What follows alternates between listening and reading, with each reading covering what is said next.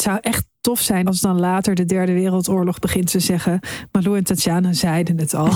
kan nooit goed gaan.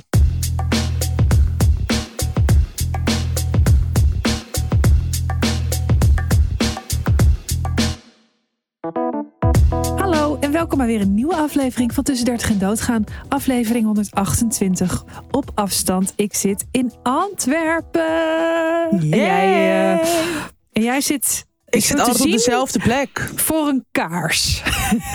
Zo Ja, zie je ik zit bij kaarslicht. Jij zit bij kaarslicht. Heel ja, romantisch in mijn eentje. ja. Ehm, met eh, je kat. Ja, Nee, die heb ik weggedaan. Dat moest van jou. ja Ik luister altijd naar 2024. jou. Zonder Stevie. Echt mijn dominantrix. Dominantrix. Oh, Anyway, nee, Stevie ligt hier lekker eh, niks te doen, zoals altijd. ja, heel goed. Erg jaloers. Eh, Ehm, in wat voor staat tref ik je? Ik ben echt fucking moe. Ik had vandaag... ik heb vandaag echt oprecht de hele tijd... dat ik gewoon mijn ogen niet kan openhouden. Ik heb ook, kijk, ik zie er zo doods uit. Ik heb ook geen make-up op. Maar dat, weet je, je kent toch die tekenfilms... dat ze dan zo van die lucifers er tussen hun ogen hebben. Dat wil ik Ja. gewoon de hele dag. Ja, Het is vandaag 3 januari. Ik heb nu het gevoel dat het 1 januari is. Maar dit heb ik altijd.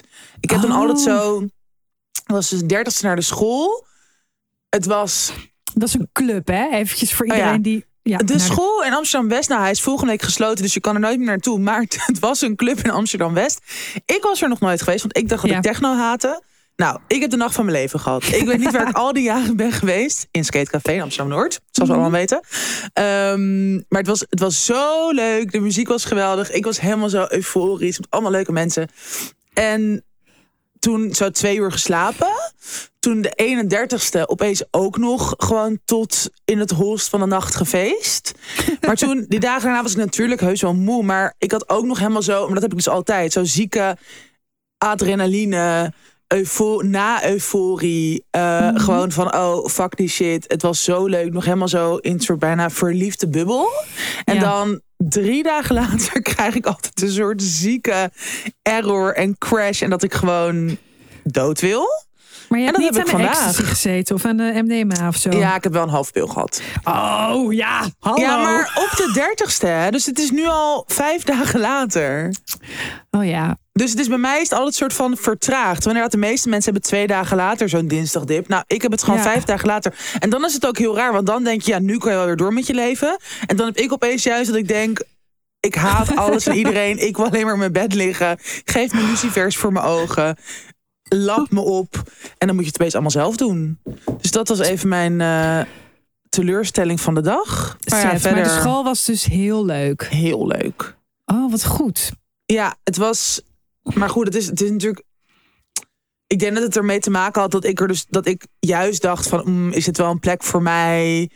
Ja. Ga ik überhaupt? Ik hou natuurlijk van dansen, maar ik luister gewoon. Ik, ik ga ook meestal meer naar soort ander, andere clubs, ander soort muziek, vooral hip hop, R&B, soms een beetje elektronisch, maar niet soort van doef, doef, doef. maar dit techno. was dit. Ja, maar er zijn natuurlijk heel veel verschillende soorten techno. Dus dat hele beeld van het is alleen maar super grimmig of extreem eentonig, dat is ook gewoon niet helemaal realistisch. Maar ja, ik ben soms in sommige dingen heel zwart-wit en dan Ja. denk ik, oh, dat is niks voor mij. En dan opeens kan het gewoon zo heel erg meevallen en zelfs de hele andere kant op gaan. Ik vond het vroeger heel leuk, hè? Ja, Ja, ik ging heel vaak naar van die technofestivals, naar Awakenings en eh, Mysteryland en zo. ik vind, dat, ik vind het echt, ja, dat heb ik al vaak gezegd, maar zo jammer dat ik jou toen nog niet kende. Het is gewoon een had heel toch- ander leven. Ik stond gewoon te klappertanden eh voor me uit te staren, hoor. Het is niet zo dat je dan in één keer een andere... Wel Nee, maar wel grappig. Het is wel gewoon een soort. En dit heb ik ook met Emma de Touar. Die was vroeger ook echt een rave meid. En zij is nu een soort nog meer granny dan jij. En dat, maar het is toch gewoon, dan heb je zo vrienden. Dan denk je, oh ja, wow, jullie waren gewoon vroeger een totaal ander. Ja, maar niet kocht, echt een ander persoon, ik, maar. ik kocht vroeger drugs van Emma. Super. Ja, ze had echt hele goeie. Maakte ze ook allemaal video's van. En eh, dat is hoe ze het dan maakte. Emma's kookclub. Dat was een hele andere kookclub. Emma. Emma heeft nooit drugs gebruikt in haar leven. Mhm. Ze was gewoon een nuchtere reefmeid. Net zoals jij, toch? Hm? Nee, echt niet hoor. Ik denk dat dat nog steeds in mijn aderen is terug te vinden. In ieder geval in mijn haar. Zeg toch, het gaat toch allemaal in je haar zitten? Ja, joh. The fuck. Oké, nou, hoe gaat het met jou? Eh, nou, eigenlijk heel erg goed. Eh, Oh, want ik ben, heel, ik ben heel trots op mezelf. Oh, Nou, er, is één, er is één raar ding. Ik ben dus, ik heb een deadline voor een nieuw boek. Dit komt nooit meer goed.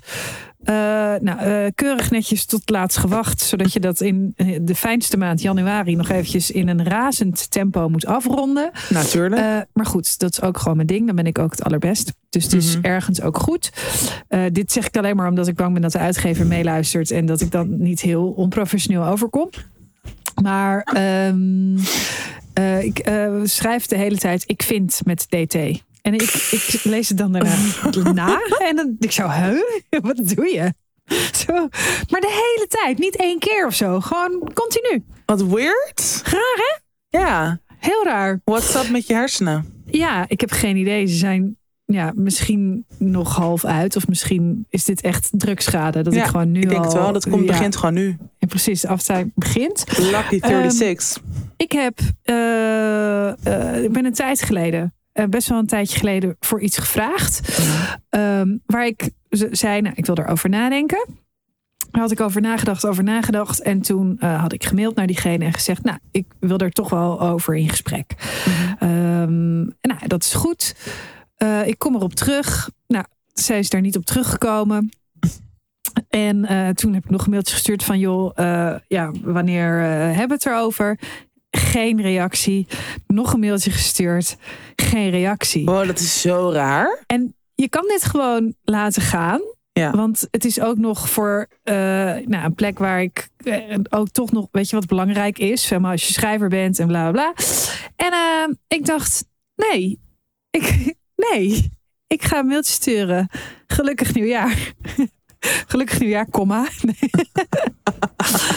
En ik- nieuwjaar, maar... ja, ik heb gestuurd. Je hebt helemaal niet meer gereageerd eh, op mijn mailtjes. Terwijl jij hebt mij ergens voor gevraagd.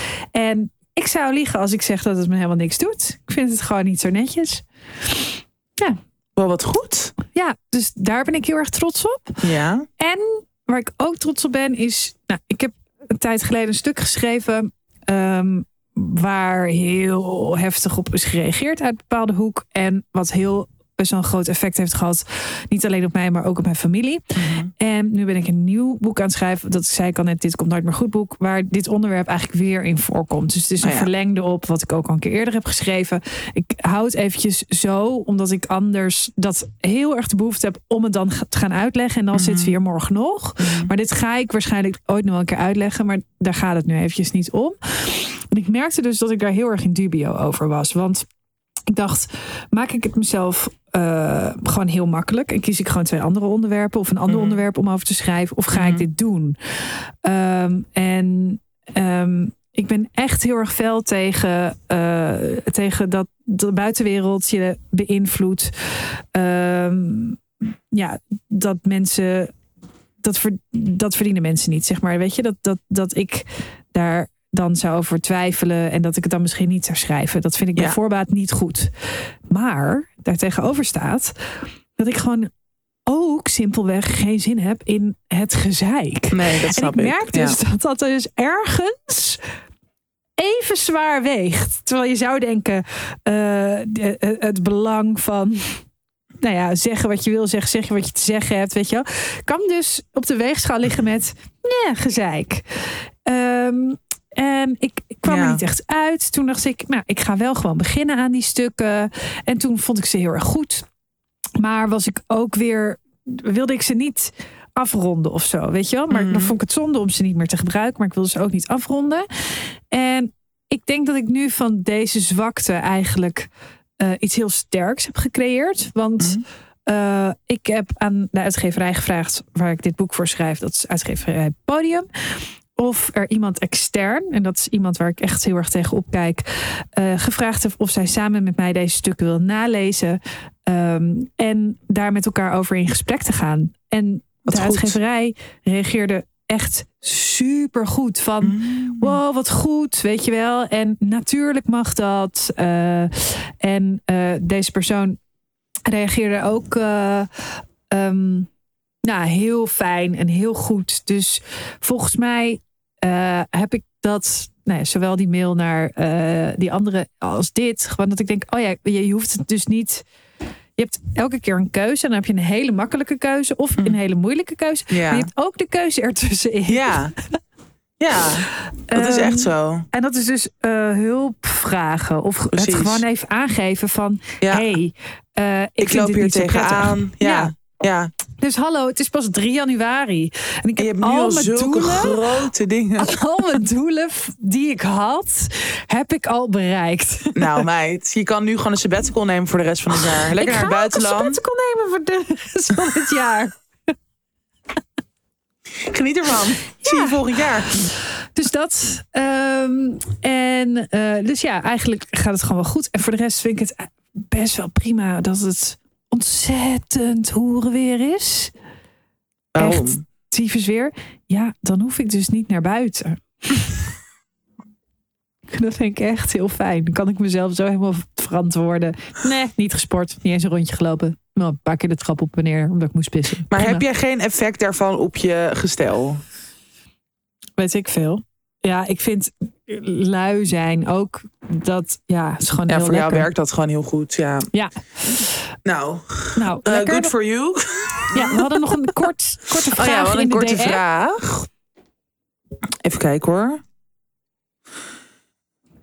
Hoi lieve Tatjana en Malou, love jullie en jullie podcast. Dankjewel. Ik heb een korte vraag voor Tatjana. Waar koop jij het liefst je kleding? Ik, heb sinds kort, of ik ben sinds kort dik 30 kilo aangekomen in twee jaar tijd door depressie en medicatie. En ik weet niet goed waar ik terecht kan voor hippe kleding. Je ziet er altijd zo mooi uit. Heel veel liefs. Ik weet niet of ze anoniem wil blijven, dus ik zeg even Ja. geen naam.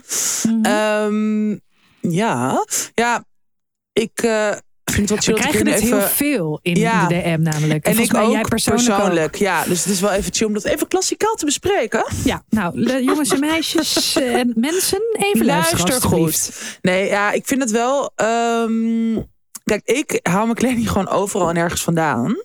En eigenlijk is mijn grootste. Ja, maar dat is wel zo. Mijn grootste tip is eigenlijk om je dus niet heel erg te laten. eh, of niet dood te staren op een kledingmaat. Mhm. Dus als je gewoon op een gegeven moment bijvoorbeeld denkt: Oh, ik heb maat, weet ik veel, 48, 50. Ik kan niet in. Dus aanhalingstekens normale winkels kopen. Waar ze alleen, weet je wel, eh, ja, tot een bepaalde maat gaan. Geen plushuis verkopen. Zo heb ik heel erg lang ook gedacht. Alleen omdat er natuurlijk de laatste jaren ook best wel vaak een soort oversized kleding een trend werd. Heb je gewoon in best wel veel winkels kleding die je met heel veel maten past. Eh, en ieder lichaam is natuurlijk anders. Verhoudingen zijn anders. Dus eigenlijk is mijn grootste tip om gewoon. En dat, kijk, dat is altijd een beetje lastig. Want je kan natuurlijk ook heel erg teleurgesteld worden als je gewoon de stad ingaat en naar winkels gaat en je past niks. Ja. Want dat is ook vaak genoeg het geval. Dat heb ik bijna altijd met broeken. Ehm, alleen bijvoorbeeld mijn bovenlichaam past dan wel best wel vaak kleding die je nou ja, op veel verschillende plekken kan kopen. Mhm. Ehm, en online winkelen. Nou, dan zou ik als tips geven. ASOS, ASOS, hoe je het ook uitspreekt. Ah, Omdat je ASOS, ASOS. eh, omdat je daar gewoon heel veel verschillende maten en stijlen en merken hebt. Ja, daar kan je Ehm, echt van helemaal trendy vintage tot goor ordinair. Dat Precies. is echt Dat is Dat gewoon voor ieder wat wils. Alle voor kanten Emma Malou uit. van 20 jaar geleden tot... eh, tot hoe jullie nu zijn. Nou ja, daar, ik moet wel zeggen dat ik daar gewoon overal eh, mijn meeste kleding vandaan heb. En alleen dan, dan moet je gewoon een soort een paar uur uittrekken. Want er is zoveel keus dat je dan gewoon ja, even goed moet gaan browsen. En, het begin, en dat, dat lijkt me best wel lastig als je dus binnenkort in zo'n korte periode best veel bent aangekomen. Dus ook voor het eerst dan dik bent. Ja. Dat je eh, ook nog je maat waarschijnlijk heel goed moet leren kennen. En dat het natuurlijk ook nog is, en dat is bij plus echt nog wel meer zo dan bij reguliere maten. Dat die maten echt per merk of per webwinkel of, of normale, of weet je wel, fysieke winkel totaal uit elkaar lopen. Dus dat, Mhm. dat kost altijd best wel even tijd om daar een soort je weg in te vinden. Ehm, maar ja, ik zou vooral zeggen, ezels, azels in het buitenland vintage. Maar ja, in Nederland is er echt bijna geen plus vintage. Dus daar kom je hier ook niet echt mee weg. Dat vind ik altijd fucking irritant dat mensen altijd natuurlijk met zo'n vingertje wijzen van oh je moet geen fast fashion. Ja, ik zou liever ook geen fast fashion kopen, maar Ja. als je een grotere maat hebt, is er gewoon echt nagenoeg. Dus in ieder geval in Nederland geen plus size aanbod. Ook als je op vintage, wow, hoe heet het? Vinted. Sorry. Als je op Vinted of op Marktplaats of whatever kijkt, vind je echt alleen maar van die classic soepjurken, gebloemde tunieken, die vibe. Ja, bijna niemand wordt Ja. daar gelukkig van. Dankjewel, maar nee bedankt. Precies. Eh, nee, dus ASOS, ESOS. Ja, H&M of zo heeft soms ook wel dingen, maar dat is soms ook echt fucking saai en oudbollig. Eh Zalando heb je ook tot wel echt veel grote maten. Maar ja, je moet gewoon echt heel goed browsen. Dat is het vooral. Dus het gaat eigenlijk vooral over gewoon hier tijd voor vrijmaken. En kijken wat het aanbod is en wat soort van je smaak ook is. Ik denk dat, dat, het, dat het daar ook mee begint. Want ik heb ook heel erg lang gedacht van... oh, er is heel weinig aanbod. Dus ik moet het maar gewoon doen met ja, alles wat ik kan vinden. Terwijl ik nu ook veel meer kijk van... oh ja, maar dit past echt bij mij en dit draag ik fucking vaak. En dit Mhm. eigenlijk niet. Dus dat ga ik ook gewoon niet meer kopen. Ja. Ehm, dus het gaat ook wel meer dan over, weet je wel, welk merk of welke winkel, maar vooral heel erg kijken naar, oké, hoe, wat zijn de verhoudingen van mijn lichaam? Waar, weet je wel, waar kan ik misschien wel gewoon iets vinden? Je dus ook niet uit het veld laten slaan als je dan wel drie winkels in drie winkels terechtkomt waar je dan misschien niks past. Ja, over een paar weken kan het misschien weer anders zijn met een andere collectie. Ja. Maar gewoon vooral er even goed induiken. En ja, dat, dat ben ik ook. En dat, dat heeft natuurlijk ook heel erg te maken met zelfacceptatie. Maar ook uiteindelijk wel gewoon echte dingen dragen die jij wilt dragen. En niet alleen maar omdat het afkleedt. Of omdat het soort van dit. Weet je wel, dit mag je niet dragen. Bijvoorbeeld een crop top kan je niet dragen als je dik bent. Ja, dat kan je dus wel gewoon dragen als jij dat wil. Dus nou, ja, dat proces ook proberen in te gaan. Wat natuurlijk altijd makkelijk gezegd is dan gedaan. Maar mm, ja, dit. Oké. Helder, juf. You're welcome. Zet hem op. Let's go. Waar wil jij het over hebben? Nou, ik zat net even te browsen door jouw thema. Mhm. Hoe mooi is dat? Nou ja, ik denk eigenlijk dat misschien jij met jouw thema kan beginnen. Want ik denk dat mijn er best wel op aansluit. En ik heb zeg maar als hoofdthema goede voornemens. Maar eigenlijk alles wat ik er omheen heb geschreven gaat over hele andere dingen. dus, oh. En ik, nogmaals, ik vond jouw thema heel mooi. En ik denk dat dus mijn dingen daar ook best wel op aansluiten. Dus ehm, Oké. Let's Nou, start, baby. Ik wilde eh, het hebben over adulting, eh, volwassen worden. En eh, eigenlijk had ik twee aanleidingen om het daarover te hebben. Eh, Een artikel in Trouw vandaag van Jessica Kuitenbrouwer over de scheidslijn tussen adolescent en volwassen zijn, dat die steeds kleiner wordt. En gesprekken die ik heb gevoerd met mijn kinderloze vrienden met oud en nieuw. Mhm. En kinder, ge- gekozen kinderloos of eh, kinderloos, want twee mannen. En ehm, over ehm, ja, wat, wat, wanneer ben je nou volwassen eigenlijk? Dus die gesprekken die hadden we.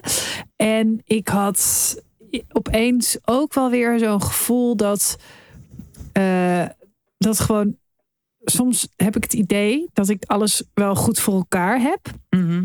Maar dat is natuurlijk eigenlijk helemaal niet zo.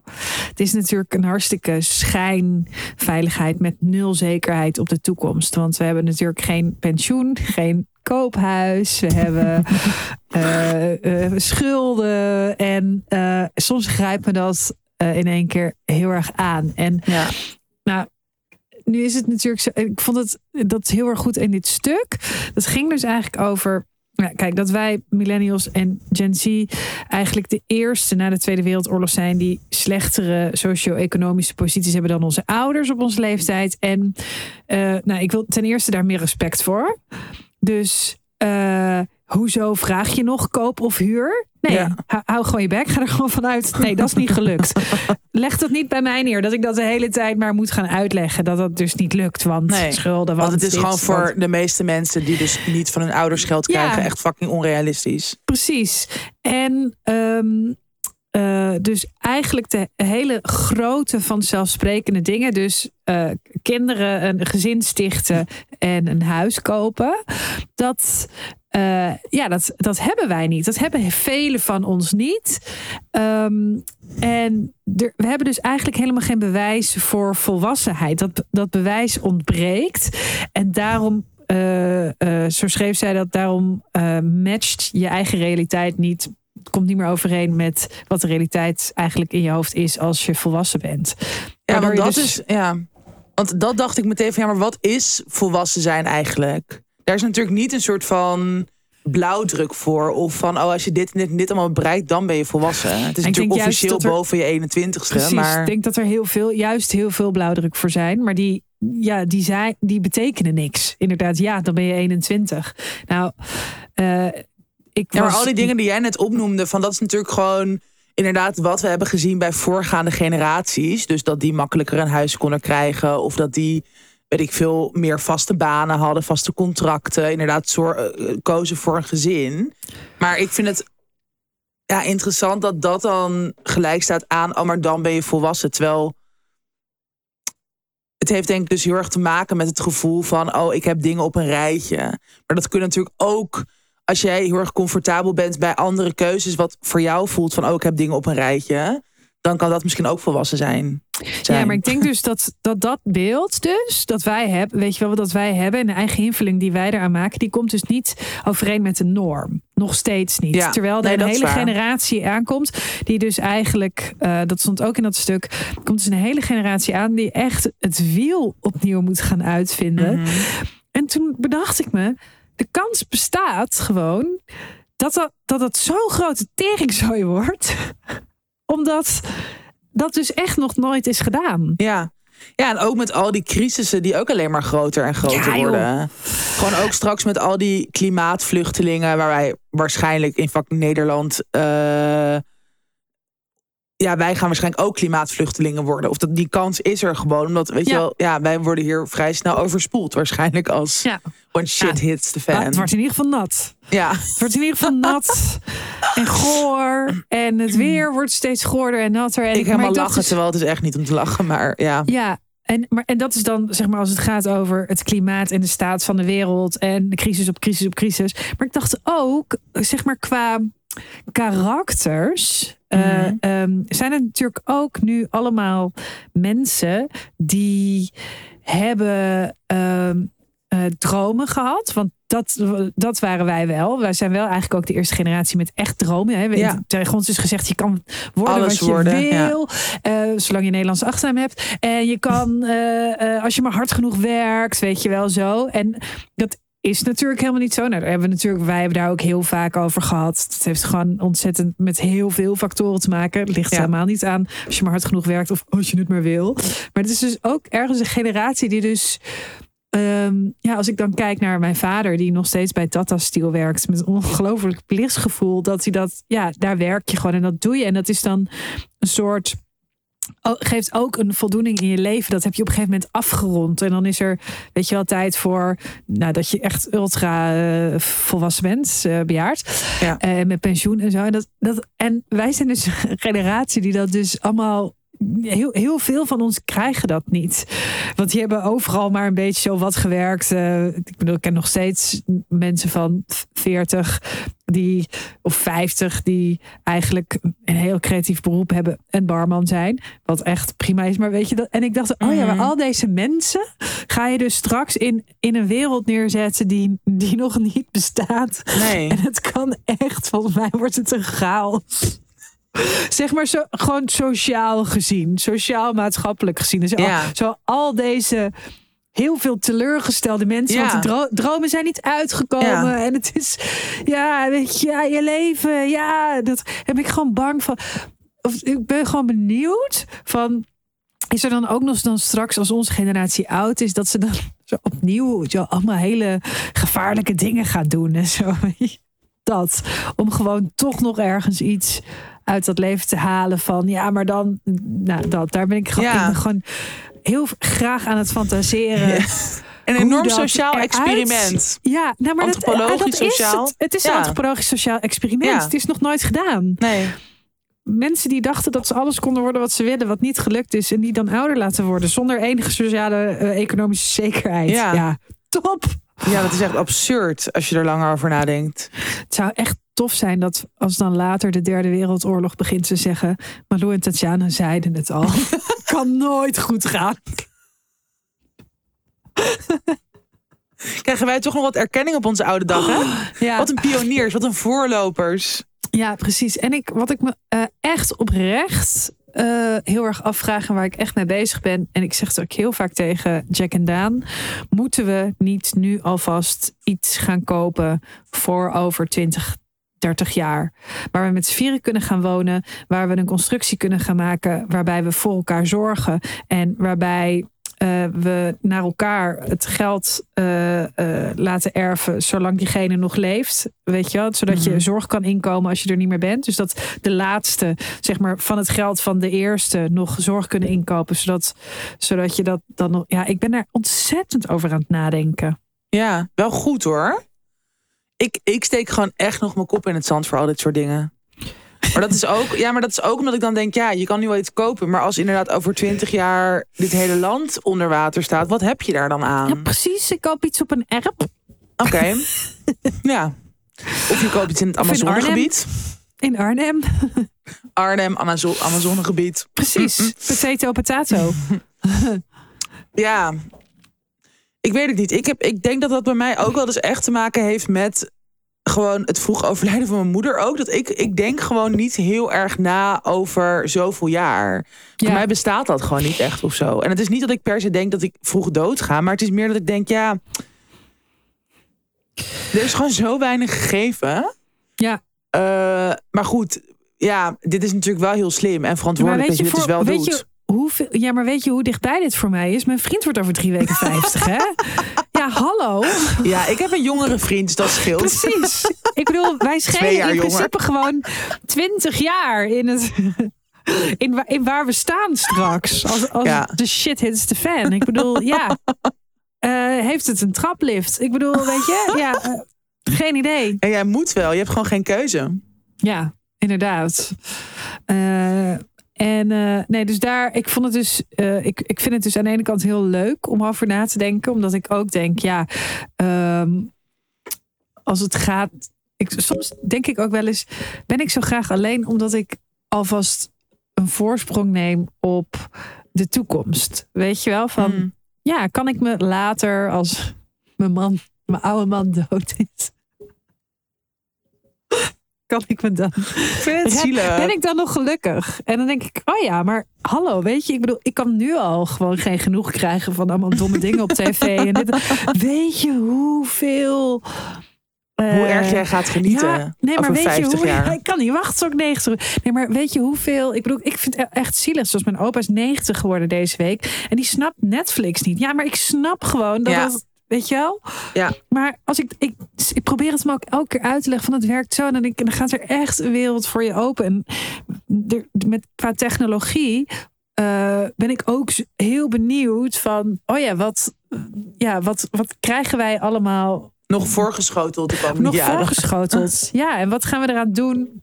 Ik bedoel, waarschijnlijk wordt gewoon alles in elkaar gedraaid door robots. Je reet afgeveegd. Eh, er komt gewoon eten, wordt zo ingestraald, weet ik veel. Vreselijk. Eh, ja, maar ik vind dat dus ergens ook heel erg hoopvol. Als het gaat over eenzaamheid. En de generatie nu die eenzaam is. Als, als ik kijk naar mijn opa, weet je wel, eenzaamheid. En bijvoorbeeld dat je waarschijnlijk over een paar jaar al gewoon levensgroot met elkaar kan bellen. En dat je in de kamer kan staan en weet ik veel. Mhm. Nou, dat ik dan denk, oh ja, ik kan gewoon een, een hologram van mijn geliefdes bij me houden als ik later. Ja. eh, dat, dat vind ik weer heel erg hoopvol Ja, aan, dat aan, deze wel. tijd. Maar goed, Ja. waarschijnlijk kunnen we dat niet betalen, want we hebben geen pensioen. Dus hebben we er niks aan. Maar Het is toch een leuk idee. Het houdt het op de been. ja, nou, en zo, zo vulde ik mijn week. Met al deze sturen fantasieën. En, en een beetje fantaseren over mijn relatie met eh, robots die ik eh, aanga later. I like it. Ja. Mooi nieuw levenspad voor jou. Precies. 2024 brengt je nu al zoveel? Ja, maar heb jij eh, nog periodes in je leven dat je echt denkt: ik ben gewoon niet volwassen, ik ben gewoon nog een klein kind? Wat, wat denk ik wel niet? Ik heb dat wel met jou. Ehm. Ik, eh, nee. Ja, ik denk hier gewoon dan toch niet heel. Ik denk er niet heel bewust over na. Ik heb gewoon. Kijk, ik kan het. Ik, ik ben dan toch wel, als ik soort van meer in een piekerstand ben, dan gaat het vooral over, oh ja, ik wil hier en hier en hier nog mee aan de slag gaan of zo. Maar dat gaat dan toch meer over een soort, jezus, ik heb een van een ziek virus op mijn computer, ik word er helemaal lijp. Nou, daarin voel ik mijn kind. Precies. Ja. Dat ik nog een virus op mijn MacBook heb gekregen. Sinds wanneer bestaat dat nog? Um, nee, wel, ik heb het, weet je waar ik het wel mee heb? Met dus dingen in je huis moeten fixen of zo. Oh, dat je gewoon dat, dat er nu dan weer, weet je wel, al weken een lamp vervangen moet worden. Dat ik denk, ja, dat is ook gewoon volwassen zijn. Of dat je gewoon eindelijk je geldzaken goed regelt. Ja, Alleen, ik heb dus wel met dat soort dingen dat ik me er dan niet heel erg druk om maak. Of dat ik niet soort van denk, oh. En dat heeft denk ik heel erg te maken met dat ik gewoon echt wel minder controledrang heb. En ook minder soort bezig ben met als ik dit en dit en dit allemaal goed doe, als dit en dit allemaal lukt, dan ben ik op een soort van nou ja, piekvolwassenheid of piekgelukkig zijn. Ja. Of dat, want daar, nou, daar ging mijn eh nou, ergernis ook wel een beetje over. De, ik had deze week weer heel erg zo dat ik iedereen weer zag met allemaal goede voornemenlijstjes. En op Oh ja. Twitter, op, of nou Twitter, X, hoe het ook heet, op Instagram, in blogs, weet je wel, gewoon artikelen, op TikTok, gewoon overal weer een soort van. Het, ik snap gewoon niet dat mensen dat nog steeds. Kijk, tuurlijk kan je goede voornemens hebben, tuurlijk kan je goede intenties, wat je intenties hebben waar je mee aan de slag wil in een jaar. Dat is allemaal mooi. We moeten onszelf ook op de been houden, hou vast, et cetera. Dat snap ik allemaal heel goed. Maar zo dat heel het etaleren. En het heeft ook iets. Het heeft en iets dogmatisch naar jezelf toe van. Ik moet het nu allemaal perfect gaan doen. En dan pas, weet je wel, ben ik geslaagd of zo. Ja. Maar het heeft ook vaak iets oordelends naar andere mensen. Meteen een soort van dat prediken van. Oh ja, ik, ga, ik doe dit nu. Ik drink nu geen alcohol. Ik, ik eet geen suiker. Ik ga nu vijf keer per week naar de gym. Ik weet ik veel, heb weet je wel, dit soort werkdingen geregeld. Dus jij moet dat nu ook allemaal gaan doen. Want dat is, weet ik veel, beter of Ja, zo. Dat is het hoogst haalbare. Ja, en ik vind, ik denk gewoon van ja, hoe de fuck hou je voor de gek? Want zo erg extreem in iets schieten. Want het heeft vaak dus ook iets extremistisch. Of, of nou, dat klinkt altijd meteen een beetje. Fundamentalistisch. Ja, fundamentalistisch, En dogmatisch, racistisch. extremistisch. Antisemitisch. Alles. Ja, nee, maar het heeft wel iets. Het is vaak in extreme mate, toch? Het is Ja. nooit een soort van, oh, ik ga nu, weet ik, of de meeste mensen doen dat niet. Ehm, dat, dat, dat heeft gewoon heeft heel weinig kans van slagen. Je houdt het dan vaak Ja. een paar weken vol en daarna zit je weer vol in een soort zelfhaat en of juist in een soort slachtofferpositie of, of weet je, teleurstelling. Dus voor jezelf is het al kut. Het Ja. is ook gewoon irritant voor mensen om een soort van ermee. Ik vind ook al die mensen die zo extreem de hele tijd posten over dat ze niet drinken. Ja, good for you. Ik, het, is, het, is natuurlijk, ja, het is natuurlijk goed en gezond en alles. Maar dat, ik weet het niet. Ik heb daar gewoon zo ergernis in. Je mag mensen inspireren, maar dat hele extreme eraan. En dus de hele tijd alleen maar dat- over dat soort dingen dan posten. Daar, ja, ik kan er gewoon weinig mee. Ja. Ehm, Ik denk dat dat ook, en helemaal met dat alcoholding. Ik denk dat dat vooral ook gewoon steuntjes in je eigen rug zijn als je dat Ja. post. Maar Want- ja, bespreek het dan ook gewoon met vrienden. Of ja, ik weet niet. Ik vind dat. Maar goed, dat, hier hebben we het vorige keer ook over gehad. Dat ik me gewoon denk ik überhaupt even heel erg stoor aan. heel veel online. Ik denk heel Ja. vaak met, met dingen met alcohol. Denk, ja, maar als, als die het kan, dan kan ik het ook wel. En dan kom ik erachter dat ik er gewoon geen zin in heb. Is echt waar. Nou ja, maar dan heeft het dus eigenlijk heeft het wel dus een soort. Kijk, bij jou dan even niet. maar dus andere mensen zullen dat dan ook wel denken van als die het kan, kan ik het ook wel. Ja. Ja. het, is ook, het is dan ook wel weer een motivator. Nou ja, misschien moet ik gewoon niet zo zeiken. Dat is het waarschijnlijk überhaupt. Nee, ik denk niet. Maar, Maar- ik denk wel dat eh, eh, dat vastzetten aan nieuwjaar en vanaf nu gaat alles goed. Ja, dat is gewoon gelul. Ja, en het is ook. eh, ik weet even niet meer waarom ik nu. Oh ja, over die controledrang en zo. Dat het Mhm. natuurlijk ook dus heel erg weer gaat over een soort maakbaarheidsgedachte. En dat je soort van alles zelf in de hand hebt om al die veranderingen door te voeren. En dus het idee van als ik maar dit en dit en dit doe, dan Ja. wordt alles beter. Dan word ik beter. Dan word ik succesvoller, gelukkiger. Die hele riedel weer. Ja. En daar ben, ik, daar ben ik gewoon best wel klaar mee. En echt al een tijd. En ik, ik merk nu ja, dat, dat, dat, het, dat ik ook echt niet meer echt zo in elkaar zit. Natuurlijk heus wel eens. Of dat je, weet je, je kan heus wel weer een prestatiedrang soms hebben of zo. Maar ja. ik, eh, en dat, dat vind ik wel chill. En daarom heb ik dus ook met dat volwassen voor. Dat ik denk, ja, tuurlijk, ik, ik wil wel gewoon het voor mezelf. En weet ik veel, voor de mensen om me heen gewoon dingen goed geregeld hebben. Want dat Ja. was wel bijvoorbeeld ook toen mijn moeder doodging. Toen was er gewoon niks geregeld ja. toen moest ik als 16-jarige soort van alles gaan fixen. Weet je, haar, haar fucking eh, telefoonprovider bellen om, de, om te zeggen, ja, ze is dood, dus wij kunnen die rekening niet meer betalen. Of weet je, allemaal dat soort. Het was geen begrafenisrecht, het was geen geld, geen geld voor een graf. Nou ja, stel ik krijg ooit kinderen, of gewoon nogmaals mijn broertje of mijn zusje of, of mijn partner. Ja. Ik wil niet mensen met shit opzadelen, weet je wel. Dus daar alleen al voor is het gewoon wel goed om dingen als pensioen te regelen of Ja. hoe je studieschuld wordt afbetaald of whatever. Maar Oh. Ja, gewoon dat soort scheisse. Ehm, en ik vind, ik ben wel heel erg voor verantwoordelijkheid nemen. En dit heeft natuurlijk ook te maken met verantwoordelijkheid nemen. En niet zo denken, oh boeien, ik steek mijn kop in Ja. het zand en het bestaat niet. Want dat is bullshit, dat wil ik ook niet. Maar is een thin line, denk ik. En Ja. ik las echt een fucking interessant eh, artikel vandaag in Vrij Nederland. En het ging over het werk, maar het was ook een interview met eh, psychiater Menno Oosterhof. En hij net een boek geschreven over eh, euthanasie, waar Mhm. hij voorstander van is. Ehm, de kop was echt wel geweldig. Het, he- eh, de kop was: Ik vind dat er een slechte gebruiksaanwijzing zit bij het leven. Ja. Nou, is zo. En het, was, het, het ging dus ook heel erg over een soort balans tussen biologische en omgevingsfactoren. Dus Mhm. bijvoorbeeld, oké, hebben jeugdtrauma's wel werkelijk zoveel invloed op psy- psychische variaties of worstelingen?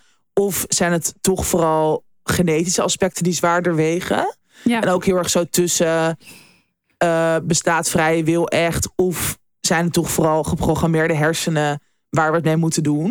En ik Mhm. denk dat dat, nou daar vallen al deze thema's waar wij het over hebben gesproken eigenlijk ook binnen. Van oké, maar Ja. hoeveel ligt er nou echt zelf in je eigen macht? En wat jij net ook al zei, ehm, er spelen zoveel factoren mee of je inderdaad wat voor baan je krijgt of hoe je je leven kan invullen of dat je een huis kan kopen of Ja.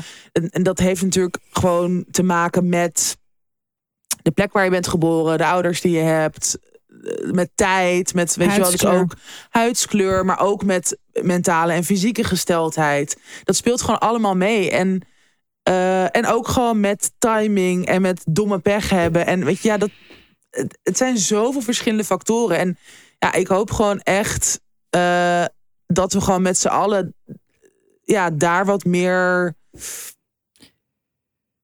Nou, hoe zeg je dat?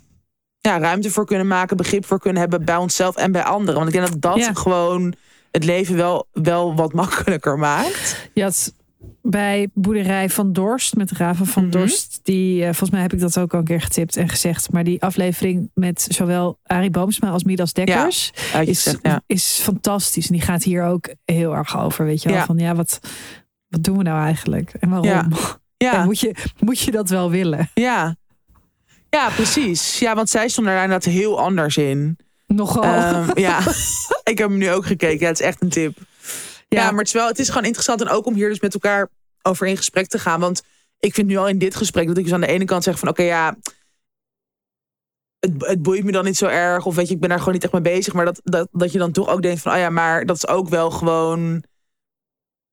Ook dom en ook dus jezelf onttrekken aan verantwoordelijkheid. En dat wil volgens mij niemand uiteindelijk. ja, precies. En dat ik- betekent, ja, het betekent dan niet als je er iets mee doet of als je er, weet je wel, mee bezig bent, betekent niet dat je automatisch alleen maar bezig bent met, oh, ik heb het allemaal zelf in de hand of ik, weet je is allemaal maakbaar. Dat is natuurlijk, dat is de hele Nee, andere maar dat- kant. Dat is zeg maar wel dat als, als ik nu mijn, eh, bijvoorbeeld mijn Instagram moet geloven. Dan moet ik dus stop, dan moet ik iedere dag sporten. Ja. Buiten, maar ook thuis tegen de muur. Moet ik dan allerlei eh, oefeningen gaan doen of zo? Nou, sorry, is levensgevaarlijk. Maar ja, daar, dat eventjes terzijde. Ik moet eh, zo snel mogelijk eh, al mijn eieren laten invriezen. Ik moet me inschrijven bij spermabanken heel door, door heel Europa. Eh, en me inschrijven voor eh, eh, banken voor draagmoederschap en weet ik veel. Dat word ik echt mee doodgegooid. Heel lijp. Wat echt niet. Ik moet stoppen met drinken. En ik moet beginnen met gokken. En je moet ondertussen ook je pensioen regelen, je studieschuld zo snel mogelijk afbetalen. Precies. Zorgen dat je vaste inkomsten hebt elke maand, ook als freelancer. Beleggen natuurlijk. Oh ja, beleggen. Toch ook met hypotheekadviseurs praten. Oh ja, daar had ik nu alweer een stuk over geschreven, ook voor dat boek, dat ik daar een keer was. En dat je dus van, dat je, je loopt naar binnen als de meest volwassen persoon die Ja. je lijkt te zijn. En je loopt naar zijn, buiten ja. als het, het, het zieligste kleutertje van de klas. Altijd. Vreselijk. Oh, en, en je ziet ze kijken. Oh, ook Heb je er weer zo eentje? Ja, Lekker die creatieve freelancers. Ja, die denken dat ze heel op. wat zijn. precies. Hier heb je een kartonnen doos. Doei. Doe daar Ja. maar iets creatiefs mee. Nou, goed. Nou goed, eh, Ik vond het wel een mooi onderwerp. Want ik, denk, Ja. ik ben toch iemand die, die ook wel eh, dan voor de bijl gaat en denkt: ja, als het dan ook als 1 januari dan ook nog op een maandag valt, dan doe ik het wel maandag. ja. Ehm, ik vind het wel lastig om zo halverwege een week, maar dat is iets in mijn hoofd, iets te beginnen. Eh, maar ik merkte nu al dat ik dacht: oh ja, ik ga dan ook eh, een maand niet drinken. En nu dacht ik: nee, ik heb daar dus geen zin in. Geen zin. En dat vind ik gewoon een hele goede reden. En dat is dus ook helemaal niet erg. Ja, ik heb het geprobeerd. Niet gelukt. Goed zo. En door. Mijn jaar is niet, mijn jaar is niet verpest. ja, want dat Eh, is het vooral. Dat je dus niet... Ja, En daarom vind ik het gewoon zo irritant... eh, dat het allemaal in zulke extreme mate moet. Want minder drinken of meer sport. Weet je, dat zijn natuurlijk allemaal hele Ja. legitieme dingen. En dat is, ook, dat is ook voor kan. iedereen goed. ja, maar dat hele eh, rigoureuze en dat hele absolute. Ja, Ja, dat, pff, nee, ja. Eh, Ja, ik vind het een dus beetje. Het is, geen zin in. nee, ik heb er, je hebt er geen zin in. En het is ook een beetje boring. Dat ik denk, zijn we dat nu nog allemaal aan het doen? Zijn we elkaar nog allemaal zo aan het opjutten? Why? Ja. Ja. Ehm, want we weten allemaal inmiddels toch ook wel dat het gewoon gaat om. Ja, kijken wat goed voor jou werkt en wat jij nodig hebt en op welk moment en daarnaar Nou. luisteren. En dat is al moeilijk zat. Wat misschien wel een goed, eh, goede vergelijking is, als ik je, sorry dat ik je onderbreek, eh, is dat wij hebben natuurlijk een periode gehad dat wij iedere ochtend eh, gingen zwemmen. Ja. En ook toen het koud werd, gingen we in de kou zwemmen, in een hele kou water. En, want dat was goed voor je. Ehm, en daar had ik op dat moment heel veel behoefte aan. Ten eerste, het was corona, dus je zag voor de rest niemand. En ten tweede, anders kwam ik mijn nest niet uit. Dus het was super handig om een soort sociale controle te hebben daarover. En nu heb ik daar geen zin meer in. En dat betekent Nee. niet dat ik iets. eh, dat ik nu ongezonder ben of ongezonder in het leven sta. Ik ben nog steeds hetzelfde. Ik ben nog steeds heel ongezond. Ik doe nog steeds verder geen reet. Maar ik doe dus ook niet meer dat zwemmen. Ja, Nee. Ja. En het zegt dus verder niks over jou als persoon, over jouw waarde of over inderdaad hoe goed je wel of niet voor jezelf zorgt. Ja, Ja, het, het, het zegt dat ik eh, misschien een beetje lui ben. Maar ja, maar blijkbaar heb je eh, dat nu nodig in je leven. Ja, ja. Sinds wanneer is het dat? is wat het is. Is dat een probleem? ja. Ja, oké. Ja. Nou, fijn dat we er ook weer uit zijn. Your attention, please. This is an important announcement. Ja, ieder jaar rond deze tijd is het weer raak. Daar hebben we het net ook over gehad. De goede voornemens van iedereen en zijn moeder vliegen je om de oren. En veel van die goede voornemens, ja Malou, het is waar, je weet het. waar. Ja, I know. Veel van die goede voornemens die gaan dus over ja, je lichaam. Dat moet veranderen. Dat slanker, sterker, weet ik veel wat nog meer allemaal moet worden. Ehm, nou ja, wij hebben dat net ook gezegd. Wij zijn gewoon groot gelover van het idee dat je in principe als je gewoon een leuk, redelijk mens bent. eh, goed bent zoals je bent. Dus ook je lichaam, dat je helemaal niet hoeft te veranderen. En wij zijn niet de enige. Het inclusieve lingeriemerk Superbra gelooft hier namelijk ook in. Ja, en wij hebben vorig jaar natuurlijk een bezoekje mogen brengen aan de Ja. toen nieuwe vestiging in Amsterdam West op de Kinkerstraat. En het was echt een soort lui lekkerland van mooiste, lekker zittende setjes en zoveel verschillende soorten, maten, modellen en stijlen. Nou ja, wij waren daar zelf met z'n vieren. Hè. Jij was er, ik was er, maar ook Amanda, Ja. eh, die zei dat eh, haar borsten een burn-out hadden. Ja. Nadat ze een babytje had gekregen. en Jul. Nou Ja. En als je al kijkt naar onze verschillende eh, Ja. lijven en wat we hebben uitgekozen en hoe ontzettend mooi dat zat Ja. en nog steeds zit. Want we zijn Ja. nu eh, even verder en ja, het, het zit waanzinnig. Het zit echt waanzinnig. Ja. Ja. ja, dat. Dus sorry, ik, ik praat voor mijn beurt. Jij nee, bent. dat is helemaal oké. Nee, ja, wat jij zegt, dat, dat dat gewoon best wel exemplarisch was. Dat wij met z'n vieren daar waren. Met echt allemaal een heel ander soort lichaam. Andere verhoudingen. Een ander soort tiet. Zowel qua grootte als als vorm, als nou, dat. Ehm, en dat wij gewoon, ja, we kregen daar ook allemaal heel luxe, maar dat krijgt iedereen die daar een fitting uh, boekt. Die krijgt Mhm. dan een eigen persoon van een team aangewezen. En die gaat dan dus een soort van alleen maar kijken naar je lichaam en dus naar je borst. En daarop ehm, ja, weten zij eigenlijk altijd welke maat BH, of vrijwel altijd, welke maat BH jij nodig hebt. En dat is dus echt een hele andere manier dan hoe eh 98% van de lingeriewinkels werkt. Want die gaan natuurlijk allemaal met zo'n meetlint of weet ik veel hoe ze dat precies doen, maar dat is bij Superbra echt anders. En zij geven op een andere manier advies. Ze noemen het zelf het moderne bra fitten. En ja, we hebben dat in die aflevering, in het voor, vorig voorjaar hebben we dat al uitgebreid verteld. Als je het nu allemaal al precies wil weten, of tenminste vanuit onze ervaring, dan kan je die wel terug gaan luisteren. Maar eigenlijk weet je pas hoe dat is, dat moderne bra fitten, wat de bedoeling van een BH is, wat een BH voor je kan doen, als je daar voor het eerst zelf langs gaat. Ja, eh, wat dat betreft is er ook echt iets heel geks aan de hand hè, in BH-land. Want waarom blijven zoveel lingeriewinkels advies geven eh, aan mensen dat dus niet werkt? Ik heb ook Ja. zoveel BH's eh, daarna weggegooid eigenlijk. Omdat Ja.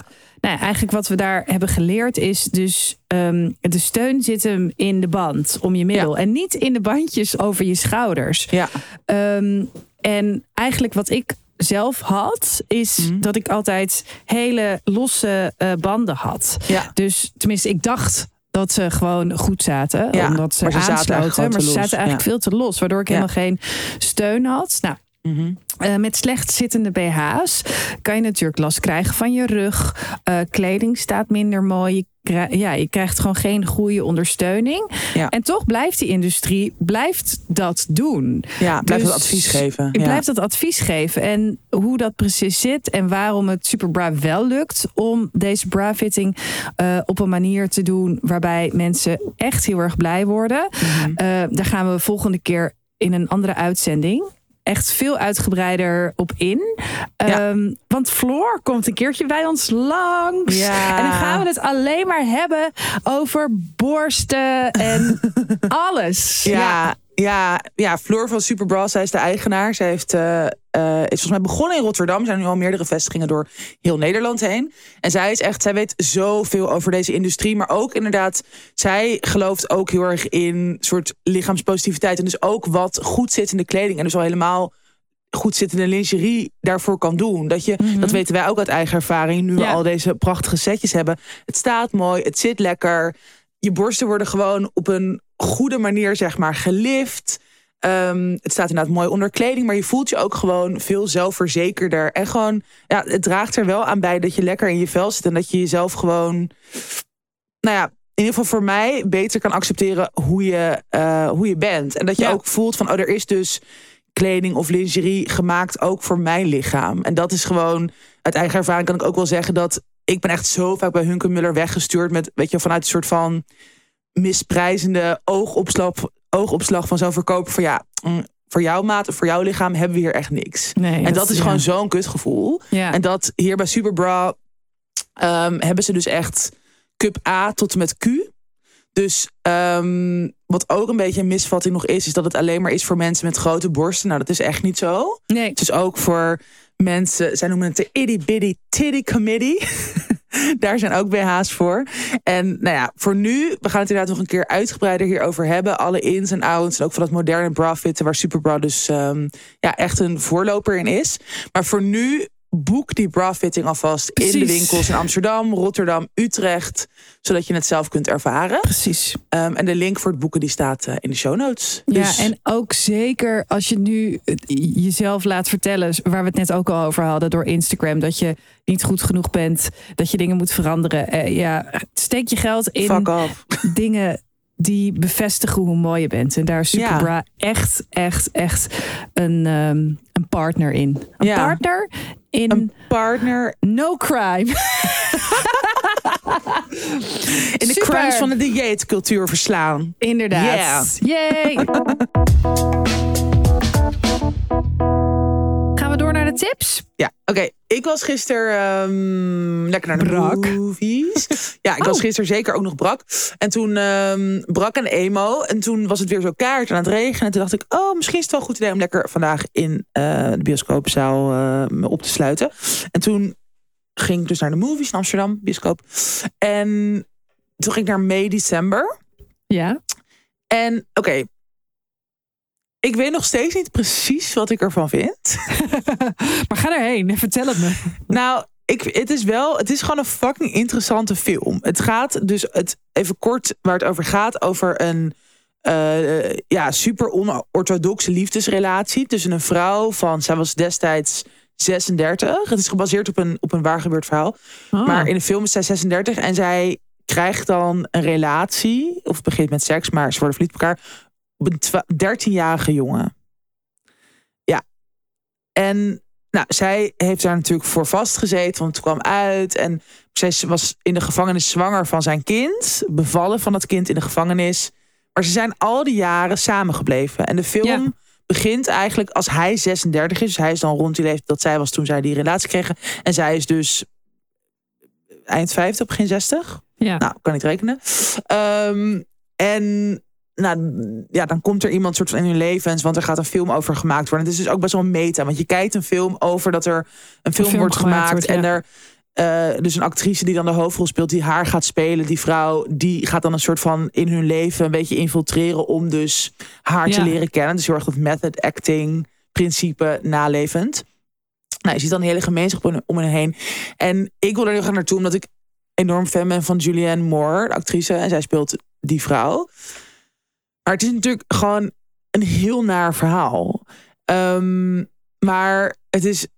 Ik weet, dus ik werd er dus best wel naar van. En het duurt zo ruim twee uur. Dus het is ook. Je, je, moet er soort helemaal in. Natalie Ja. Portman speelt de andere hoofdrol. Natuurlijk ook geweldige actrice. Dus ook soort van de acteurs zijn ook allemaal echt geweldig. Dus je, je gaat er zo in mee. Maar je komt de hele tijd op zo'n soort van ander spoor van. Je, je krijgt ook sympathie voor haar. Maar. En eerst lijkt het alsof zij dus inderdaad een soort super liefdevolle relatie hebben. Ze hebben nog meer kinderen gekregen. En inderdaad, die gemeenschap om hen heen heeft hen ook een soort van geaccepteerd. Heeft gewoon geaccepteerd van ja, dit is echt de liefde. Maar je Ja. ziet ook al snel allemaal scheurtjes en gewoon zo. Die vragen blijven natuurlijk de hele tijd van oké, maar dit is, dit is toch niet oké? Hoezo is Nee. het nu soort van wel oké? Toch weer ook dat idee van oh, maar weet je wel. Je kan niet kiezen voor op wie je verliefd wordt. Maar het is, het, het, Nee, maar het is toch ook eigenlijk gewoon allemaal. pedofilie? Ja, ik bedoel, dat als is het, andersom ook. was geweest, dan was het gewoon pedo en weg. Maar dat- Dan was, dus- dus je ook stel soort jezelf die van- vraag niet eens. Ja. Precies, maar dus het is ook interessant qua perspectief dat het opeens een Ja. vrouw is met een jongere jongen. Dus het, die film roept gewoon allemaal zo vragen op.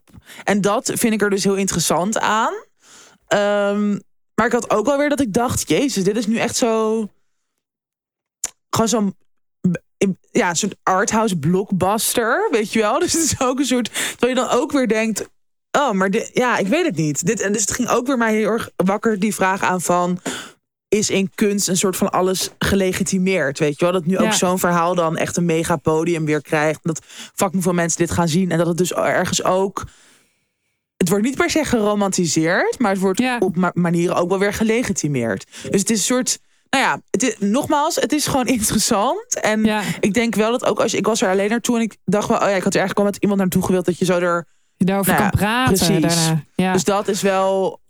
In die zin vind ik het gewoon een tip dat je, dat je toch over dit soort dingen ook nadenkt en met elkaar in gesprek gaat. Volgens mij kunnen, maar dan kunnen we misschien wel in een extra aflevering kunnen we bijvoorbeeld deze ook een keer zien. Maar je hebt dus ook, je had ooit een documentaire, The Staircase, over een vrouw die van een eh, trap is gevallen.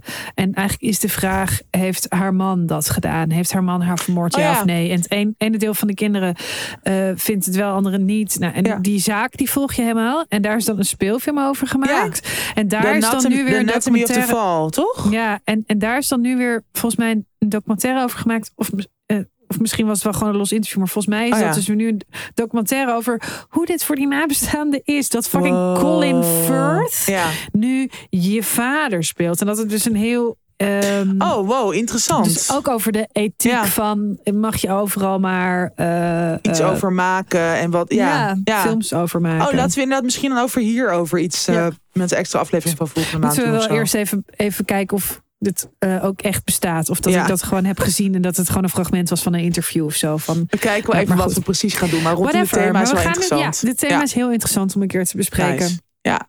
Wat is jouw tip? Ik tip. Ja, echt een vreselijke documentaire. Ja, het is een drie, Oh. driedelige serie. Het heet Bad Surgeon.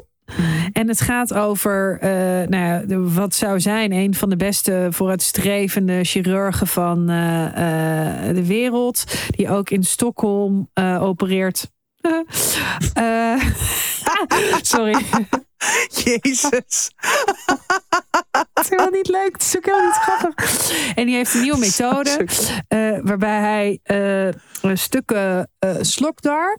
Dus als mensen slok, slokdarmkanker hebben. Dat je eigenlijk dus helemaal niet kan eh, ehm, eh, behandelen. Of heel moeilijk kan behandelen. Hij heeft dan een soort ja, eh 3D-printen slokdarm van ehm, stamcellen. Dat zou dan nieuwe techniek zijn. En nou, dus hij kiest dan mensen uit wie, wie die operaties doen. En je volgt dus dat een beetje, dus dokters over die methodes. En je volgt zijn vrouw, vriendin over. Zij was ehm, in New York bij NBC News journalist. En zij maakt een verhaal over hem. Ze werden verliefd. Nou, bla bla bla. Nou, die man die eh, eh, blijkt dus echt een eh, oplichter te zijn. Wow. Ja, en ik ga niet allemaal dingen, want wij hebben echt een paar keer zo wow, wow, wow. Maar eh, ja, die, die operatie die werkt dus niet. Dus die mensen gaan dood, maar ook echt op een verschrikkelijke manier. Oh, daar.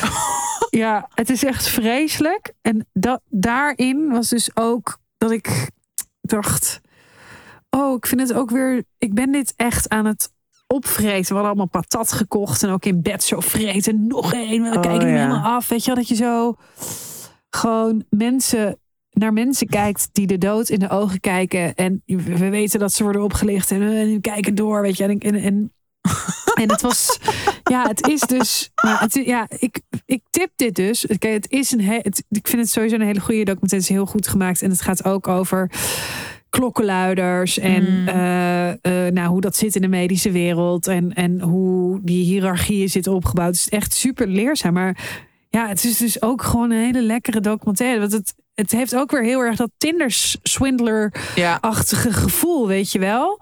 ja, het is ook En, weer, eh, zoals jij altijd zegt, crack voor je brein. Het is ook gewoon crack voor je brein. Ja, dus, eh, maar het is wel echt heel heftig. Dus eh, Oké, nou, ja. Heftige crack voor je brein, echt gebeurd. Daarna lekker googelen wat er nu met hem is ge... Ja. nou, dat allemaal. Ja. Typisch. Love it. Oké,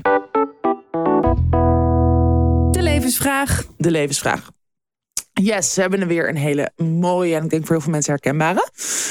Lieve Tatjana Amalou, met veel plezier luister ik naar jullie verhalen over het leven, de levensvragen van andere luisteraars en ik heb veel aan de tips die jullie geven. Graag stuur ik dan ook mijn eigen levensvraag voor jullie op. Excuus voor de lengte. Nou, dat maakt nooit uit.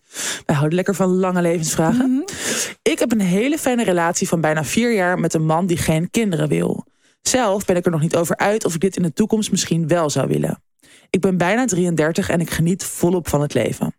Ik kan duizend redenen bedenken om niet aan kinderen te beginnen, maar ook redenen bedenken waarom ik dit wel zou willen. Even los van het feit dat kinderen krijgen niet voor iedereen mogelijk is. Ik heb ondertussen aardig wat boeken verslonden over dit onderwerp, waaronder de boeken die jullie getipt hebben. En heb het boek Kinderen krijgen is optioneel van Marloes de Vries zojuist besteld. Het voelt alsof ik erover kan blijven lezen, maar het komt op hetzelfde neer. Kinderen krijgen is geen weloverwogen, goed beredeneerde keuze, maar een gevoel. En dat oergevoel ontbreekt bij mij. Ik balanceer tussen ja en nee. Dit kan per dag verschillen. Als ik zou kiezen voor kinderen, zou ik mijn relatie moeten verbreken, wat ik echt, echt, echt niet wil. Ik hou zielsveel van hem. Met de hoop dat ik iemand vind waar ik ook zoveel van zou kunnen houden, dat ik het aandurf om samen een gezin te stichten. Kies ik om kinderloos door het leven te gaan, dan behoud ik alles waar ik nu zoveel waarde aan hecht, maar moet ik ook iets loslaten, wat misschien nooit voor mij bestemd is. De keuze voelt onmogelijk. Ik hoop dat jullie mij tips kunnen geven. Liefs M. PS, een andere vorm van ouderschap waarbij mijn partner geen vader wordt, maar ik met een ander co-ouderschap zou aangaan, ziet mijn partner niet echt zitten. Al zou hij mij wel altijd vrij laten om mijn hart te volgen en steunen waar nodig. Ja, Ja, nou, allereerst, wat misschien heel belangrijk is om te zeggen, wij kunnen geen antwoord geven op of jij kinderen Wel of niet kinderen moet wel krijgen. of kinderen eh, moet willen, inderdaad. Ja, moet dat, willen, ja. dat is natuurlijk ehm, niet eh, eh, wat wij kunnen zeggen. Maar Helaas, waren we maar een soort Helaas. orakel. ja, ik bedoel, ik wil best eh, kop of muntje voor je pakken. En dan gewoon nu zeggen, eh, kop is eh, wel en munt niet. Nou, En jij zegt sowieso nee, gewoon- ik zeg sowieso wel. Dus Ja, bye. Dit was of, of inderdaad, ons advies is tweeledig. Tatjana vindt van wel en Balou vindt van niet. Nou, zoek het uit. Ehm, maar aangezien we ontzettend veel vragen krijgen met betrekking op het wel of niet krijgen Ja. voor kinderen, hebben we. Hebben we... Your attention, please. This is an important announcement. Ja, deze levensvraag sluit ontzettend goed aan op de samenwerking die we hebben. En dat is de samenwerking met Blossom Books. En daarom vinden we het een uitstekend moment om in te zoomen op het boek waar onze brievenschrijver ook al naar refereert. Hè? Dat ze dus Ja. gaat bestellen. Kinderen krijgen is optioneel van Marloes de Vries. Zoals de titel doet vermoeden, gaat het boek over alles waar je in deze fase van je leven over nadenkt. Ik denk ook de fase waar wij in zitten en dus veel van onze luisteraars ook. Absoluut. Het onderschrift is dan ook waarom niet alle vrouwen moeder willen worden. En dat is, naar mijn mening, een verademing. Omdat het zoveel lucht geeft om, ehm, nou ja, om op een andere manier over dit onderwerp na te denken. Het onderwerp kan heel erg zwaar voelen. ehm, als er zoveel van afhangt, zoals bij deze luisteraar. Dat je gewoon ja, een soort in die twijfel blijft zitten. Ehm, en er zijn nogal wat oordelen, vooroordelen, vaak goed bedoelde, maar alsnog heel vervelende vragen, ongepaste opmerkingen, maatschappelijke drempels die we onszelf en elkaar opleggen. Ehm, ja, als het gaat over het onderzoeken van deze levensvraag. Dus ja, wil je wel of geen kinderen? Wil ik wel of geen kinderen? Ja, nou wij hebben het boek al gelezen. Ja. En ehm, het is echt een ontzettend goed boek. Het is ontzettend Ja. goed geschreven. Eh, ik heb het met heel veel interesse en bewondering gelezen. Want ook als je de keuze wel hebt gemaakt, moet je je altijd verantwoorden. Ja. En ehm, ik krijg dus ook heel vaak de vraag of ik bang ben voor spijt of iets Mhm. Oh ja. dergelijks. Nou ja, en dat is natuurlijk ook wat we in deze levensvraag eigenlijk ook teruglezen. Hè? Dat, dat die angst om een verkeerde keuze te maken er ook is. Dus ik wilde eigenlijk eh, een paar dingen eh, uit het boek waar ik, waar ik zelf heel veel aan heb gehad. Mhm. Ehm, eh, in de vragen die overeenkomen met de levensvraag wilde ik graag eventjes meenemen. Ehm, en dat gaat over het volgende. Eh, eh, dit stukje staat op bladzijde 90 en er staat geen kinderen willen is niks nieuws. En het is een quote van Jane Saver, dat is een schrijver. En zij zegt het volgende. Eh, moederschap is niet langer een noodzakelijke of een toereikende voorwaarde voor volwassenheid of voldoening in het leven. Het is een biologische optie en een psychologische roeping waarvan bij nader inzien een significante minderheid van de vrouwen erkent dat het niet bij hem past. Ehm, en daarna wordt dus uitgelegd dat dit, deze gedachte eh, van dat het niet bij je past ook al voorkomt in eh, hier ook voor de Franse Revolutie. Dan hebben we het over 1789 tot 1799. Werd er in de Franse steden door 15 tot 22 procent van de volwassenen gekozen om vrijgezel te blijven. En in de, deze gevallen dus ook kinderloos.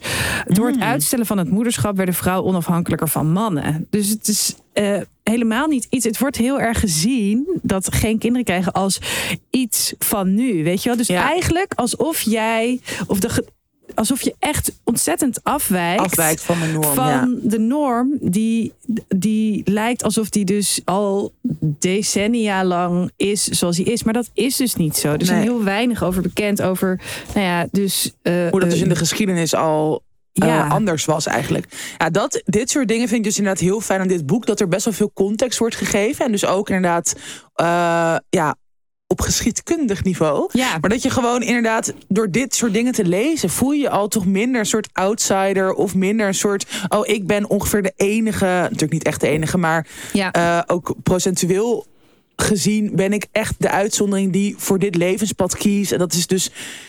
En, en voelt het ook soort enger of nog meer alsof je dan de boot mist of zo? Omdat je dan, dat is denk ik met alles zo, waarbij je dan tussen aanhalingstekens de uitzondering bent, of in ieder geval denkt dat je dat bent. Ja. Terwijl het dus gewoon al veel langer voor veel meer mensen natuurlijk gold. Of dat veel meer mensen deze keuze ook hebben gemaakt. En Mhm. ik denk ook als het gaat over dat stukje spijt. Ja. ehm, dat is denk ik in dit thema, omdat het, het is natuurlijk ook, het is gewoon een levenslange keuze. Weet je wel, het is ook een soort van, ja, als je niet voor kinderen kiest, op een gegeven moment ben je als vrouw, in ieder geval biologisch gezien, kan je gewoon niet meer die keuze nog maken. Ja. Uh, maar ook als je een kind hebt en je bent er misschien helemaal niet zo blij mee als je had verwacht of had gehoopt, Mhm. dan is dat natuurlijk ook, ja, je hebt voor de rest van je leven, als het goed is, een kind en ouderschap. Dus het is ook nogal, weet je, het is iets fucking groots. En, ehm, maar ik denk, ja, nogmaals, dat dit soort fragmenten in dit boek, eh, dat dat best wel wat lucht kan geven rondom deze keuze. Ja, wat ik ook heel leuk is, vind aan het boek is eh, eigenlijk de eh, andere kant van het omslag. Er staat er Mhm. inspirerende vrouwen. En dat zijn deze vrouwen, die, de vrouw die je in de galerij ziet, besloten geen moeder te worden. En dan gaat het van Oprah Winfrey tot Floortje Dessing tot Wente Snijders, Simone de Beauvoir, Sandra Oh, ehm, eh, Dolly Parton, weet je Ja. er- er- Renee Zellweger, Loes van der Heuvel. Dus het is gewoon ja, vaak word je natuurlijk. Je, je, je wordt heel makkelijk geconfronteerd met de andere kant. Maar dit is heel fijn om dat eventjes zo heel compact te zien. Oh ja, zij, zij, zij, zij. Als je dat in één keer Ja. allemaal naast elkaar ziet, denk je... oh ja, en dan voel je je ook niet zo alleen. Ja, ja. ja, wat ik ook echt heel fijn vind aan dit boek is dat het een heel goed beeld geeft van hoe je leven eruit ziet als je niet kiest voor het vervullen van een kinderwens. Ehm, ik denk dat dat doet me ook denken aan toen ik eh, een blauwe maandag zwanger was. Ehm, dat ik toen met iemand sprak die eh, ook zwanger was, ook ongepland. Ehm, en die toen eh, ook voor abortus heeft gekozen, net zoals ik uiteindelijk. Maar dat zij ook zei van probeer te visualiseren hoe het is als je hier wel voor kiest. Dus als je wel een kind, nou ja, krijgt als het allemaal goed gaat. Maar Ja. ook hoe het is als je dat niet krijgt. Dus weet je wel, wat, wat geeft het je dan? En dan kom je waarschijnlijk ook heel veel hele mooie, vervullende dingen tegen. Want dat is natuurlijk ook wat waar we gewoon best wel soort van mee worden doodgegooid in deze maatschappij. Dat het veel makkelijker is om je in te beelden eh, hoe het wel is als je kinderen krijgt, toch? Omdat Ja. de maatschappij daar ook op is ingericht. Maar doe dat dus ook met de situatie van hoe ziet mijn leven eruit zonder het vervullen van die eventuele kinderwens. Ehm, want dan ja, kan er ook ontzettend veel moois op je pad komen. Dan kan je ook een ontzettend rijk leven leiden. En daar, eh, nou, dat komt ook heel erg naar voren in dit boek. Kinderen krijgen is optioneel. Dat is echt perfect om eigenlijk te beginnen met die visualisatie. En om gewoon die kant beter te verkennen. Ehm, nou ja, wat hier bijvoorbeeld ook naar voren komt, is wat zijn de voordelen van kinderloos zijn? En ehm, het geeft ook houvast hoe je je leven in kan richten zonder kinderen. En ik denk dat, ja, dat zei we net eigenlijk ook al, maar echt ieder persoon met een baarmoeder van ongeveer onze leeftijd, ja, die stelt die vragen. En die herkent, denk ik, heel veel dingen in dit boek en in die twijfel en in dus de keuze die daar aan vasthangt. Ehm, ja, en ik, wij hebben het hier natuurlijk ook al vaker over gehad. Ik weet ook nog steeds niet precies hoe ik erin sta. Bij mij Ja. wisselt het ook best wel. Eh, het, het hangt natuurlijk gewoon ook af met heb je een partner of heb je een relatie of weet je hoe voel je je daarin? Ik ben natuurlijk net ook een jaar gewoon vrijgezel geweest. Ja. Dus toen was ik er ook eigenlijk minder mee bezig. Eh, of voelde het veel meer van, nou, ik denk dat ik het niet wil. En, maar die twijfel, ja, die is er nog steeds. Maar wat ik wel, eh, wat ik wel gewoon voel, en dat is eigenlijk al heel lang, is dat het gewoon niet vanzelfsprekend is dat ik kinderen wil. En mm, dat vind ik, dit boek is daar ook gewoon een hele goede titel van. Net zoals het boek van Jantine Jo- Jongbloed, Soms wil ik een kind. Eh, wij hebben het ook al een tijdje geleden gehad over een fragment van haar. Zij was toen bij een lezing rondom dit thema, ook rondom haar boek bij de Bali. En dat zij dus ook zei van eigenlijk elke keuze die je maakt hierin, dus of elke keuze zijn dus eigenlijk twee keuzes. Eh, tenminste, als het gaat over biologisch ouderschap. Elke keuze is een goede keuze. Je gaat bij elke keuze ga je geluk vinden. Eh, dat is dan gewoon de weg die je gaat bewandelen. Dat is dan het leven dat je gaat leiden. En het ene is niet beter dan het andere. En ik denk dat we daar veel meer naartoe moeten gaan. Dat het inderdaad is, ja, soms wil ik het en het is optioneel. En ja, uiteindelijk moet je daar een weg in vinden. Maar Ja. dit soort boeken, denk ik, vooral ja, nu ook dit boek dat wij nu zo behandelen, wat voor ons allebei gewoon heel erg heeft geresoneerd. Dus kinderen krijgen is optioneel. Dat, eh, ja, Ja. kan je er echt wel houvast in bieden. Ja, ik heb nog een stukje dat ik graag wil voorlezen. En dat slaat heel erg aan op eh, wat in de levensvraag wordt gezegd over het oergevoel ontbreekt bij mij. En ik balanceer tussen ja en nee. En dit kan Mhm. per dag verschillen. Daar eh, eh, sloeg ik heel erg op aan. En dan wil ik even een stukje voorlezen onder het kopje. Het staat op bladzijde 168. Eh, mocht je willen meelezen of mocht je het willen teruglezen als je het boek hebt. En dat stukje heet De wereld is niet zwart-wit. De eerste keer dat ik schreef over mijn niet rammelende eierstokken was in 2016 voor een prachtig Vlaams vrouwentijdschrift dat inmiddels ter ziele is gegaan. Charlie. Op dat moment voelde ik nergens in mijn lijf of hoofd dat ik moeder wilde worden. Nergens een behoefte om een baby te maken, maar ik vroeg me wel af of dat gevoel nog zou veranderen. Of er een moment zou komen waarop ik wel moeder zou willen worden. Als het om zulke levensveranderende kwesties gaat, vind ik dat je jezelf altijd ruimte moet gunnen om van mening te veranderen. Als je op dit moment voelt dat, een, dat het een nee is, dan is dat prima. En als je op een gegeven moment misschien begint te voelen, dan heb je er alle recht toe om dat gevoel te onderzoeken. Maar ook als je altijd stellig ja hebt gezegd en dat verandert naar ik weet het niet en is dat ook oké. Duik in je gevoelens en je verlangens. Wat is goed voor jou en voor je potentiële kind? De wereld is niet zwart-wit en je leven al helemaal niet. Juist die fluiditeit van het leven maakt het mooi. Op zijn minst interessant. Nou, ik Heel denk mooi. dat dat een heel mooi advies is en ook een hele goede eh, toon zet van Ja. wat dit boek is. Ja. Eh, en, en wat je gaat lezen. En ehm, ja, want dat vind ik ook, zeg maar... Het is helemaal niet met gestrekt been erin van... Je moet dus geen kinderen krijgen, weet je wel? Het is een soort van, het is heel genuanceerd. Eh, het is ook, ik vind het ook gewoon fijn hoe het boek in elkaar zit. Het is inderdaad, wat jij zei, goed geschreven. Het is ook heel grappig. Er zit veel lucht in. En dus naast ook die context en een soort van... Ja, een beetje Ja. van die lijstjes of rijtjes. Ook heel erg mooie illustraties. Dus ja, ik denk dat... eh, nou, ja, de brievenschrijver heeft het ook al besteld. Ik denk dat dit boekje ook echt heel veel ja, ruimte kan geven om, om nog verder die twijfel te onderzoeken. En dus je het gevoel kan geven dat elke keuze die je maakt uiteindelijk gewoon oké is. precies. Ehm, ja, En anders gewoon kop of munt. Maar ik zou eerst gaan voor het boek Kinderen krijgen is optioneel van Marloes de Vries. Ja. Uitgegeven door Blossom Books. zeker. Dus nou, we hopen dat je in ieder geval wat geruster bent geworden. Ja. Ehm, en ook voor de mensen, want ja, deze levensvraag staat niet op zich. Op zichzelf, want we krijgen echt heel vaak vragen Ja. hierover. Eh, en we zullen er ook waarschijnlijk nog heel vaak over gaan praten. We zullen dit Ja. boek er ook echt nog zo nu en dan eventjes bij pakken. Ja. Ehm, het is fijn om te hebben. Ja, zeker. Ook als je de keuze wel hebt gemaakt, is het fijn Ja. om te hebben. Ja. Dit was weer de 128ste aflevering. Het was niet weer de 128ste aflevering. Was- Dit was de De 128ste. 128ste aflevering van Tussen 30 en Doodgaan. Volgende week zijn we er weer. We gaan ook ergens binnenkort een eh, extra aflevering opnemen. Die kan je eh, via petjeaf.nl slash tussen 30 en Doodgaan. Er staan er nog heel veel voor je. Eh, mocht je ook denken, hoe kom ik deze januari, februari in vredesnaam door? Wil je samenwerken? Mail dan naar Jul of naar Amanda. Tussen 30 en Doodgaan at gmail.com. Yes, blijf ons levensvragen insturen via de mail of via Insta DM. En we zien jullie volgende, of nou zien, we spreken jullie volgende week weer. Ja, we zien jullie volgende keer. Want dan zet ik even het adres van Tatjana online. Kunnen we allemaal daar komen. Nee, laat me met rust. Oké, doei. Later.